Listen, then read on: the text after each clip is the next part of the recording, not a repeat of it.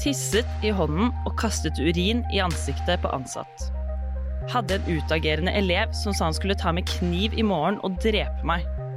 Slike hendelser skjer mot lærere hver dag. Hvorfor øker volden i Oslo-skolen?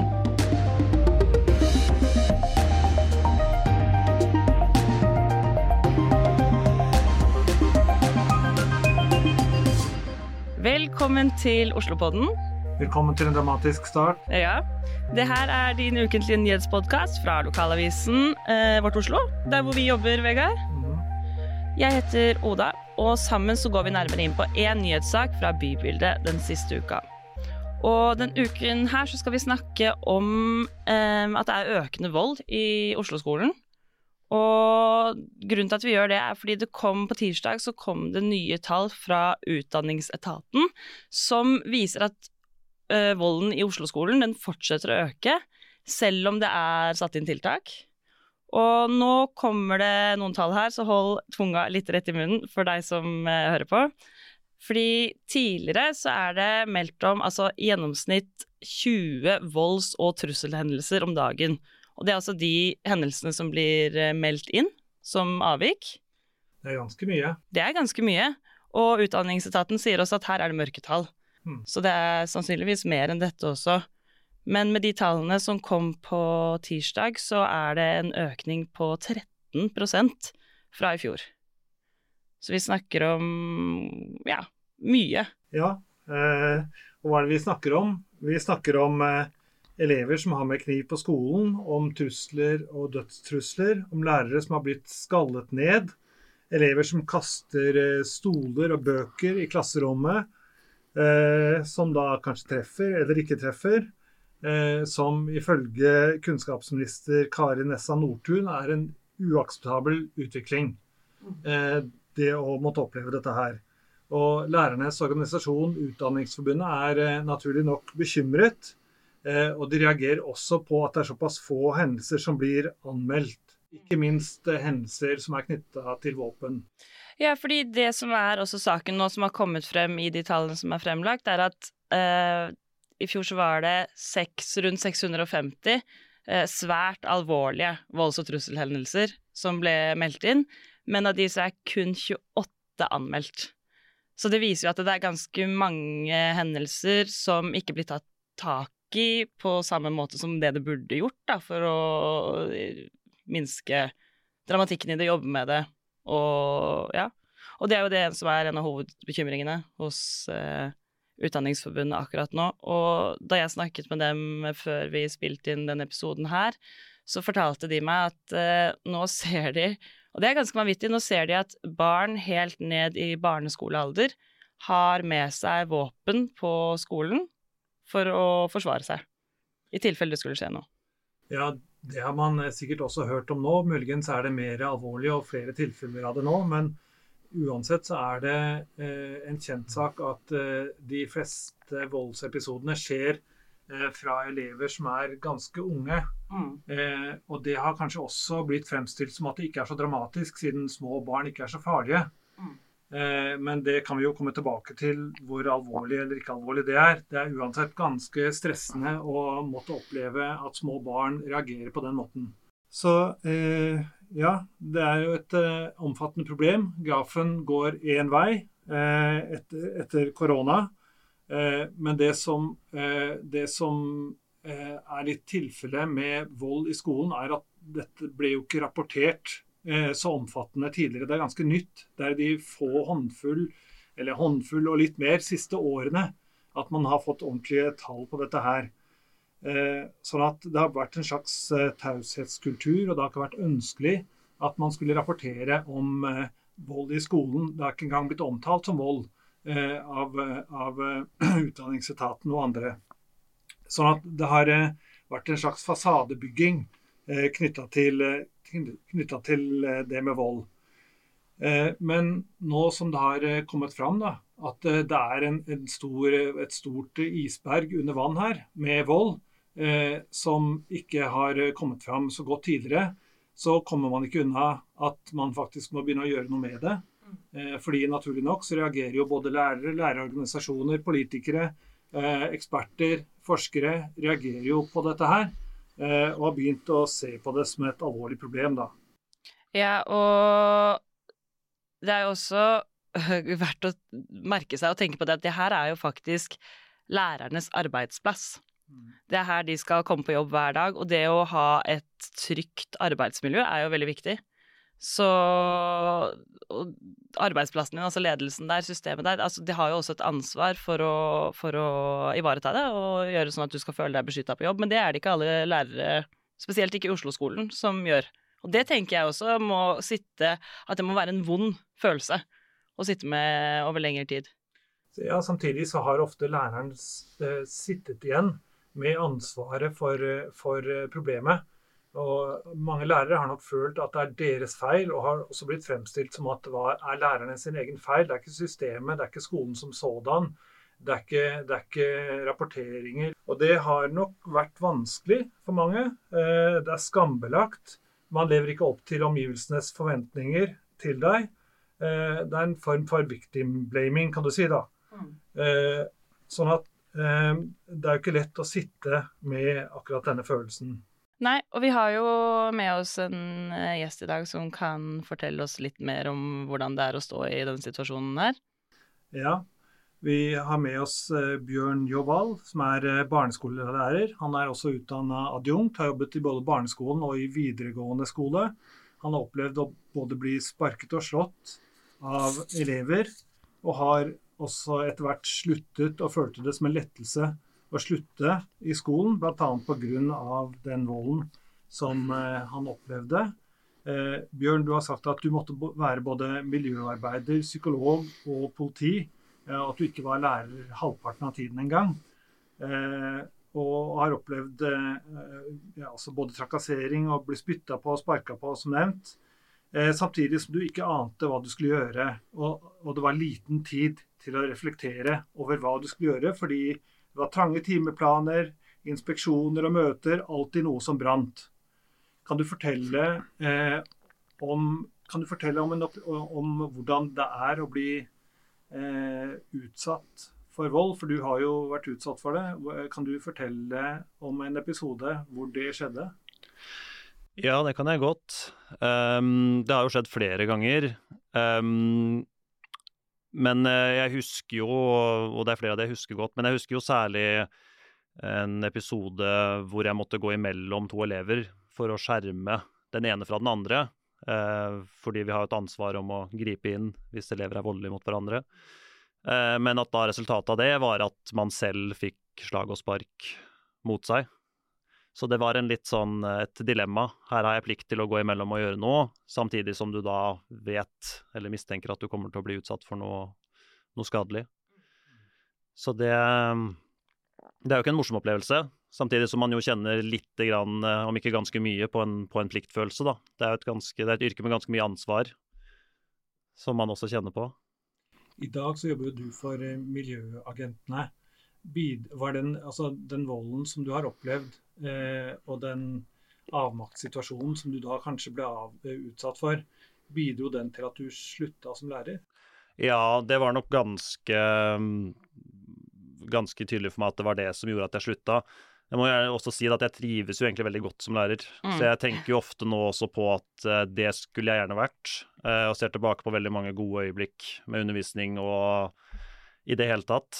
Eh, men for min del så var det litt at jeg klarte ikke å stå i en sånn type situasjon og fortsatt ha jeg vet ikke hva man skal si, eh, ha livskvalitet når du kom hjem, på en måte. Det var på en måte ikke verdt det for meg til slutt. Um, og det er veldig synd, for jeg skulle ønske at jeg hadde klart å stå i det yrket ganske lenge, mm. egentlig. Så det bygget seg opp over tid, og så ja, over tid og over flere skoler. Ja. Så det var noe med, liksom, med trendene jeg opplevde, og liksom dette, at ting gjentok seg, og at mm. systemet mm. på en måte ikke eh, hadde blitt noe bedre fra skole til skole. At det var litt sånn likt. Mm. Og da, da, fikk jeg litt sånn avmaktsfølelse. At da er litt sånn, da vet man ikke helt hva man skal gjøre. For nå har du bare opplevd det samme flere ganger. Mm. Hva slags type vold er det snakk om, da? Altså, jeg har jobba mest på barneskole, og har vel egentlig bare opplevd vold på barneskole, ikke opplevd noe på videregående. Og det er jo Altså, dette er barn helt ned i eh, seksårsalderen, da, som jo på en måte utøver frustrasjon på, på sine måter. Så alt fra slag og spark til gjenstander som blir kasta, um, til skriking og hyling og det at du må gå imellom elever og separere de fra hverandre og sånne type ting. Mm. Så det er variert. Noen snakker jo også om altså, trusler og sånne type ting også. Kom det også fra barneskoleelever? Jeg vet ikke om jeg kan huske om jeg liksom har fått veldig konkrete trusler fra de barna. Klart, og det at et barn er frustrert og irritert og sier noe i sinne, er på en måte Det kan jo kanskje oppfattes som en trussel, men jeg har vel ikke opplevd at det har vært direkte mot meg nødvendigvis. Men jeg har jo snakka med kolleger som har opplevd direkte trusler, Mm. så ja. Går det an å si noe om hvilke elever som er voldelige? Altså fordi at eh, Vi hører jo store tall, eh, og, og ifølge ting jeg har lest meg på, så er det ikke så veldig stor forskjell på eh, volden mellom skoler i øst og vest. Eh, Det er kanskje flere yngre elever som utøver vold, ifølge det jeg har lest meg til. Sikkert også flere gutter. Mm. Eh, Hva kan du si om det? Hvorfor, altså, I hvilken situasjon er det det skjer? Det er veldig vanskelig for meg som holdt på å si bare er lærer, å skulle på en måte peke på en eller annen sånn persona som er eh, at dette er en elev som er voldelig, på en måte. Men det jeg har opplevd, er at jeg har jobba mest sentrumsnært. Um, og jeg vil jo på en måte ikke påstå at disse elevene er annerledes fra andre sosioøkonomiske lag eller noe i den dur. Kanskje, man kan jo kanskje peke på at elever som ikke føler seg til pass i skolen, også har en, mer, har en mer tendens til å være frustrerte. Men det er heller ikke alltid tilfellet. Så det å på en måte skulle generalisere det blir veldig vanskelig, føler jeg. Um, og klart, de elevene som har en, en forhistorie som er dramatisk, har vel kanskje også et dårlig utgangspunkt for å klare seg i en skole hvor alle på en måte skal være like, på en måte. Men det er også veldig vanskelig å skulle si peke på den ene eleven. Hva tenker du er årsaken da, til at det skjer? Hvorfor er eh, elever voldelige? Hvorfor er elever voldelige? Jeg, tenker, jeg har tenkt mye på det at man ofte så sammenligner man seg eller yrket sitt med sånn som det var før. At man tenker sånn ja, men før var det bedre, eller omvendt. Men jeg, jeg tror ikke at det at elever er voldelige, er vel sikkert ikke noe nytt. Men det er bare at nå har vi det så veldig tydelig liksom, kvantifisert med den statistikken vi har. Og hvorfor de er det, Nei, det er, det er et godt spørsmål. Jeg, jeg, tror det handler om dette, som sagt, at du, du føler deg nok ikke tilpass i skolen. Det er nok ikke de elevene som først og fremst er voldelige. Tror jeg. Men det blir jo også bare å spekulere, da. Dette er jo vanskelig å si, men det kan jo også si. jeg tenker jo Det kommer jo ofte fra et sted eh, innenfra at du ikke har det godt selv, i hvert fall når du er stygg mot andre. Mm. Så På seg selv kjenner man andre. Ja, ja. Men hvorfor tenker du at det er Altså, det er jo klart at det er bedre rapporteringssystemer nå enn det det var tidligere, som gjør at vi har fått um, bedre tall på volden. Men uh, hvorfor tror du at det har vært en økning nå de siste årene? Det er også et veldig godt spørsmål. Jeg, jeg tenker at det, disse dataene man har fått inn, da, uh, hvorvidt de er solide eller ikke Nå snakker jo, var det jo snakk om noen mørketall, og det er det jo på en måte garantert. Uh, for jeg har brukt de, de rapporteringssystemene, og de er ikke veldig intuitive. Mulig det har forbedra seg, men det var noe med terskelen for å rapportere til å begynne med som var ganske høy. Dels fordi det bare var krevende, altså det var vanskelig, og dels fordi det ikke var tid, og dels fordi man ikke helt visste hvordan eller hva man skulle Mm. si. Så, så jeg vet på en måte ikke om de tallene egentlig sier meg så mye. Det er sånn ja, det har økt, men hvor mye er det vi egentlig ikke ser? Mm. Det fortelles jo om mørketall, og nå skal det visstnok bli enda lettere å rapportere. Og det er jo det tiltaket som Utdanningsetaten da fremhever eh, i eh, intervjuer hvor jeg har sett.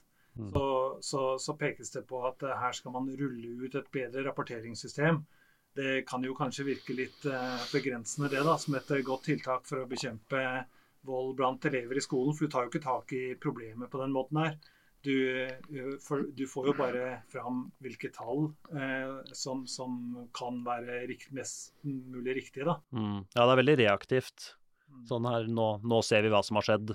Mm. Um, men hva skal man konkret gjøre for at det ikke skal skje til å begynne med? Hvordan føles det å være eh, utrygg eh, i hverdagen, sånn som jo man gjør da, hvis man blir, eh, kan bli utsatt for vold på arbeidsplassen sin? Det ligger jo litt i ordet. Det, det å være utrygg generelt er ikke spesielt god følelse, og det er heller ikke det på jobb. Uh, men, det, men det, den der at du går med en slags sånn panikkfølelse, da, eller den der at du, du klarer ikke å få roen fordi du er redd det skal skje noe. Og jeg snakka litt om den pliktfølelsen i stad. Du har jo faktisk en plikt og et ansvar for at de barna skal ha det bra. Og det er så vanskelig å håndheve, og da blir du veldig på tå hev hele tiden. Mm. Uh, og så blir det veldig reaktivt, da. Man, noe har skjedd, og så må du fikse det. Og så er det veldig vanskelig å skulle være i forkant. Gikk det utover hverdagen din ellers også? Den følelsen du satt med med arbeidsmiljøet? Ja, det vil jeg påstå. Uh, man lærer seg jo litt Jeg har jo jobba både i normalskolen, men også på spesialskoler, og man lærer seg jo litt den der å legge det fra seg når man går hjem. Ja. Eh, rett og slett for å være så proff som mulig og kunne møte opp neste dag og ha litt sånn blanke ark. Men, men, men det var den terskelen der også som ble vanskeligere og vanskeligere for meg etter hvert. Det var vanskeligere og vanskeligere å legge det fra seg. Det var lettere og lettere å gå og gruble på det.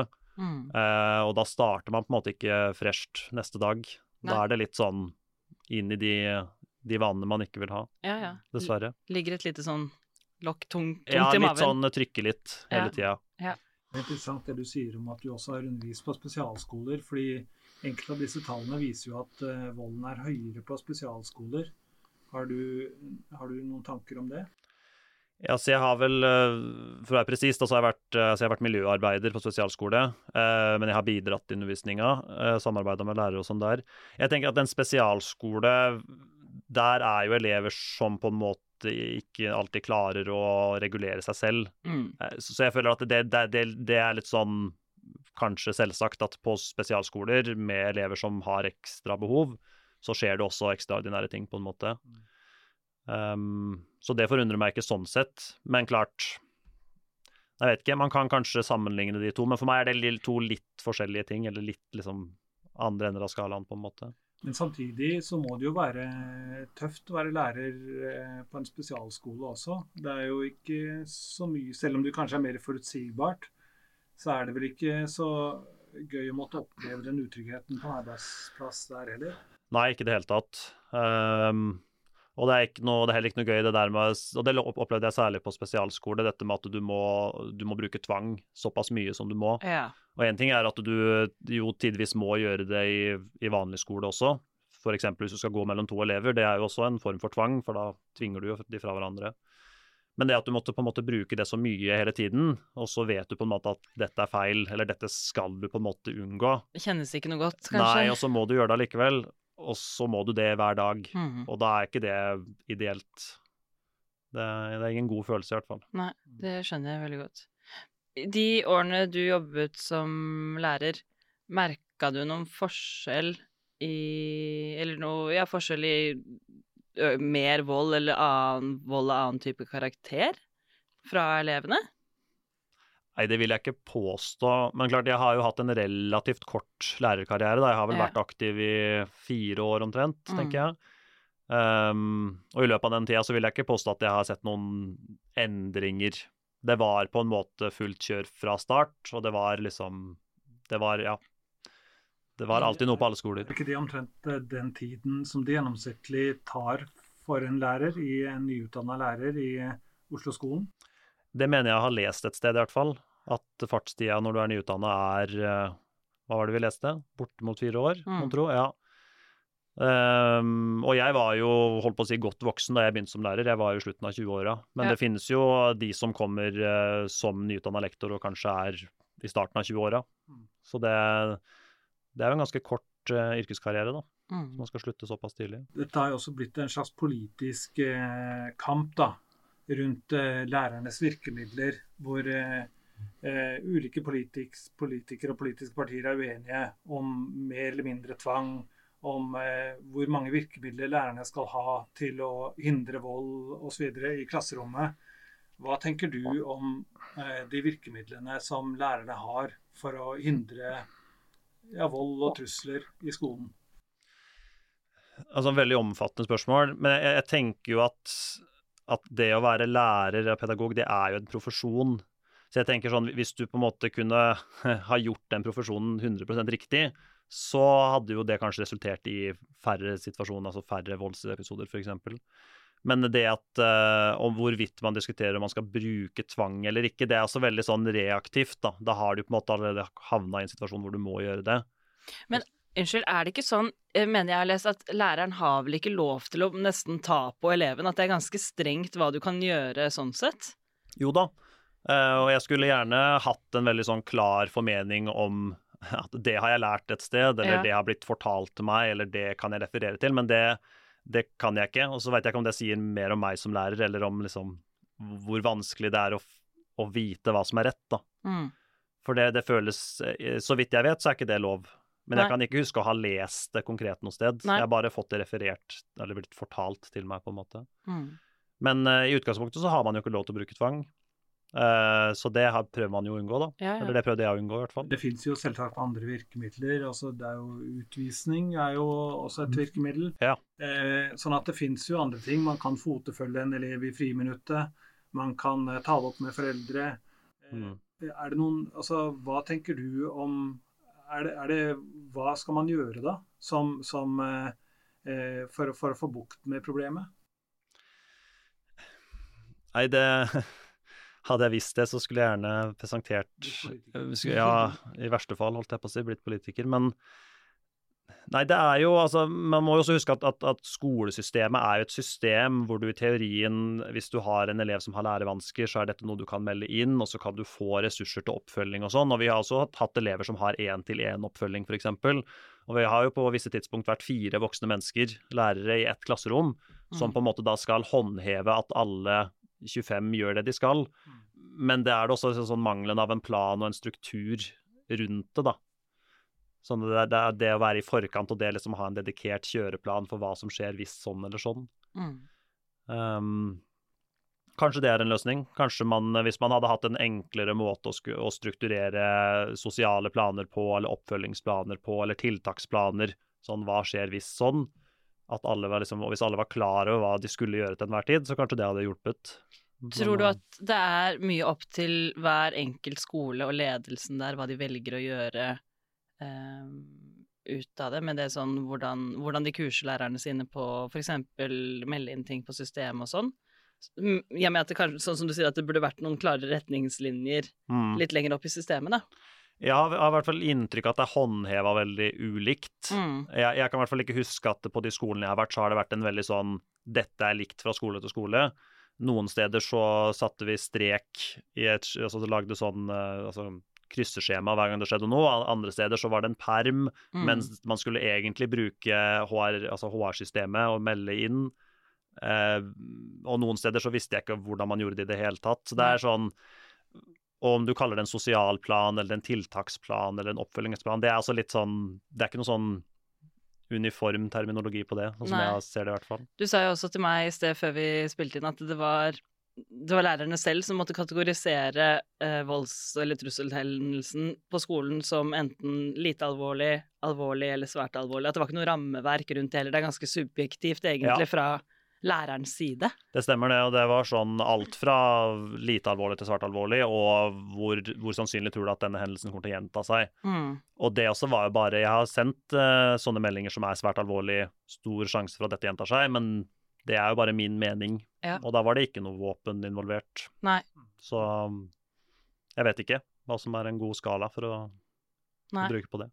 Nei, Det høres jo ikke bra ut det der at eh, det ikke finnes klare prosedyrer som er eh, uniforme på ulike skoler. Da. At det er veldig tilfeldig hva som man skal gjøre eh, når det skjer noe. At man heller ikke har noe felles vokabulær for hva, som, hva man skal kalle de ulike tingene. Mm. Det tyder jo på at det fremdeles er et stykke å gå når det gjelder systemforandringer her. da. Eller det å på en måte få til en felles forståelse av problemet og hvordan man skal håndtere det. Mm.